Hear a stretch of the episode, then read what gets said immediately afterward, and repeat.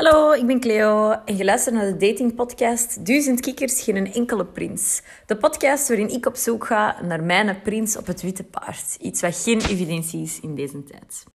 Vandaag ga ik jullie het verhaal vertellen van de getatoeëerde gast.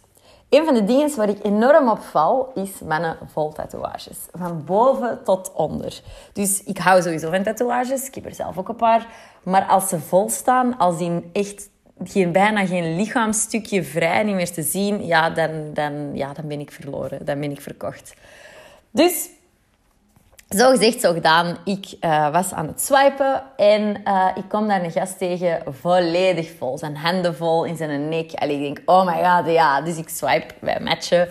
We zijn aan het praten, bla bla bla. En wij kwamen kei overeen, kei tof. En uh, ik was toen aan het werken in de kapitaal nog.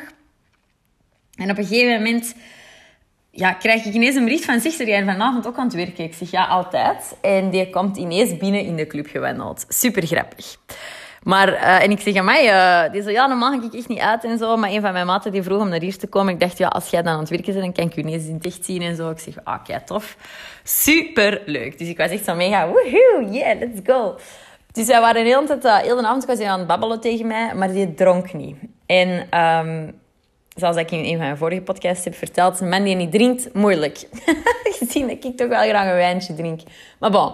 Dus die is heel de avond colaatjes en watertjes aan het drinken in de club. Mega zot eigenlijk. En op een gegeven moment gaat hij door, want zo gaat dat dan. Op een gegeven moment gaat hij door en de club sluit. Allee, ik ga naar huis. En uh, het nadeel van in een club te werken natuurlijk, is dat er heel veel zette mensen, vrienden, ex-vriendjes, flings, alles, allee, alles komt daar wel eens voorbij. En Mensen zijn zat. Mensen denken allemaal dat ze een move kunnen maken. Maar ja, ik hou niet van zatte mannen in mijn bed. Dat heb ik ook al gezegd. Dus ik, uh, ik was naar huis gegaan en ik had nog een bericht gekregen van een maat van mij. Die stuurde, ah ja, ik kwam juist uit uh, een andere club. Ah, ze zijn nog ik wil afkomen. En ik had zo'n, dude, nee.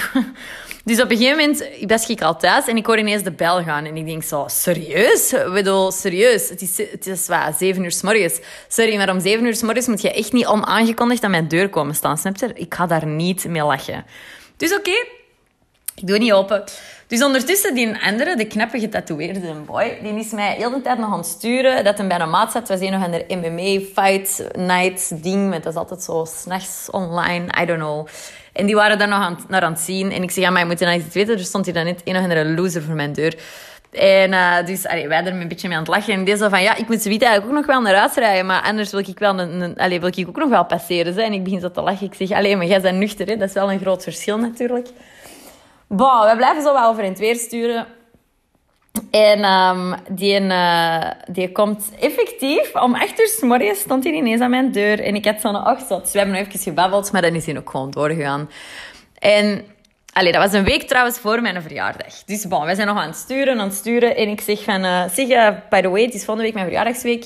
Gaan we niet leuk doen, dit, dat, dat. Ah ja, kijk goed. Hem, ik weet een keizotte kunstentoonstelling in de stad. Anders kunnen we daar naartoe gaan. As you guys know, hou ik wel van kunstentoonstellingen. Dus die zei dat en ik had van, oh my god, hij is getatoeëerd. Hij is, want dat is ook een vegan. Hij is vegan. Uh, hij drinkt niet. Hij houdt van kunst. Ik denk, oh my god, I hit the fucking jackpot. Het enige nadeel, hij was zelf van over het water, dus hij had wel zo'n raar accentje. Maar snapte, al die andere dingen die waren te goed. Dus ik denk, oh my god, ja. Dus oké, we gaan naar die kunstentoonstelling. Super tof. Schone kunst. Allee, het was echt een super toffe dag ook. Um, dus ik was helemaal zo in de wolken.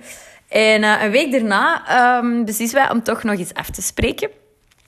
Maar ik kwam juist van een vriendin bij mij en ik had al een paar wijntjes gedronken. En die komt, uh, die komt binnen bij mij en um, die zegt zo van... Mijn maat, maar je stinkt keihard naar een drank. En ik zeg zo, wow, ik heb zo twee wijntjes gedronken of zo. Die zo, ja, mijn geriet echt keihard. En ik had echt zo'n... Dude, dat is echt zo kei grof om eigenlijk te zeggen, snap je? Zo, ik, vond, allee, ik vond dat echt niet zo chill. Dus ik denk, oké, okay, ça va, hè. Maar we zijn nog aan het babbelen en ineens blijkt dat hij de maat van mij van vroeger kent. En, um, en die is zo bezig, ja, en ik was uh, tegen die maat van, van vroeger over u... Allee, dat was een vriend van hem nu, van mijn maat vroeger. Over u bezig. En dan maak ik veel interesse in u. En dat is eigenlijk helemaal uw ding. En uh, misschien moet je daar echt iets mee afspreken. En ik had zo'n... Um, what, is what is happening here? Ik snapte er zo niks aan, want ik had zo'n hoezo, misschien moet ik daar eens mee afspreken. Ik denk zo, maar huh? wij zijn hier toch... Jij bent bij mij toch langsgekomen om met mij af te spreken? Of wilde jij mij nu koppelen aan iemand anders? Dat was super vreemd. Dus en nadat hij natuurlijk ook nog die opmerking had gemaakt van je raakt keihard naar een drank. By the way, even mensen, ik had echt maar twee wijntjes gedronken. Dus hoezo gestinkt keihard naar een drank? Maar bon. Dus ik was echt al zo'n beetje... Ik vond dat echt zo super weird. Dus die probeerde dan zo die andere maat mij af te duwen. En ik denk zo... Hmm, hier klopt iets niet. Dus alles wat een uur gaat voorbij. En uiteindelijk is hij gewoon doorgegaan. En, um, en ik heb die daarna ook gewoon niet meer gehoord. ik heb die zo nog eens één bericht gestuurd. En dan had hij gezegd... Ah ja, zeg, je nu al met een Deen afgesproken. En ik had zo'n... Gast, hoe raar is dit? Dus ja, die was duidelijk niet geïnteresseerd in mij of zo. Of die had... Allee, vreemd. Allemaal heel vreemde situatie, want... Zeg het, die was, die, dat klikte in het begin kei goed, maar uh, ik zal dan toch wat verkeerde dingen hebben gezegd of gedaan. Dus bon, uiteindelijk uh, spreek ik uh, af met zijn maat. mijn maat zijn vroeger. Omdat hij er ook zo over blijft pushen. Denk, ik moet dat toch maar eens doen. Maar bon, dat is een ander verhaal wat ik jullie nog wel eens zal vertellen. Want dat is ook helemaal falikant afgelopen. Wauw, die gast was echt gestoord. Um, maar wow. Dus ja, uh, dat was een heel raar verhaal. Ik voelde mij zo'n beetje geghost. Uh, er gebeurt niet zoveel. Dus ik was echt zo'n beetje van, oké, ja, ça va. Dus voilà, zo'n uh, situaties zijn er jammer genoeg ook. Maar bon, ik ga, ik nu pannenkoeken maken. Want ik heb eigenlijk heel veel zin in pannenkoeken. Um, en ik ga die alleen opeten. Want fuck die mannen!